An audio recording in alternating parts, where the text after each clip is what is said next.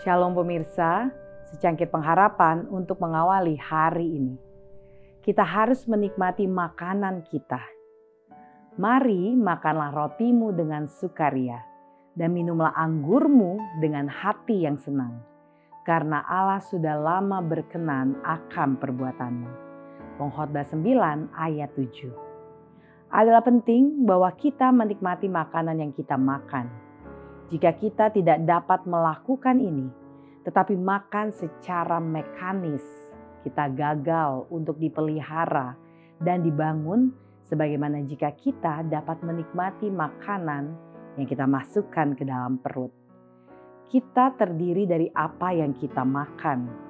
Untuk membuat kualitas darah yang baik, kita harus memiliki jenis makanan yang tepat, disiapkan dengan cara yang benar adalah kewajiban keagamaan bagi mereka yang memasak untuk belajar bagaimana menyiapkan makanan sehat dengan cara yang berbeda sehingga dapat dimakan dengan nikmat.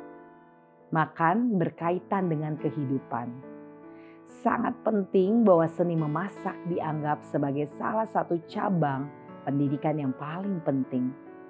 Pengetahuan tentang cara menyiapkan makanan yang sehat terutama roti, bukanlah ilmu yang semua orang pahami. Testimonies for the Church jilid 1 halaman 682. Tidak ada yang lebih penting daripada keterampilan dan kecerdasan memasak demi kesehatan dan kebahagiaan seisi rumah tangga. Makanan tidak baik yang disediakan yang tidak sehat merugikan terhadap orang dewasa, menghalangi pertumbuhan anak atau oleh menyediakan makanan sesuai dengan keperluan tubuh dan juga lezat rasanya. Ia dapat melakukan hal itu dalam cara yang baik. Demikian pula dalam hal yang salah.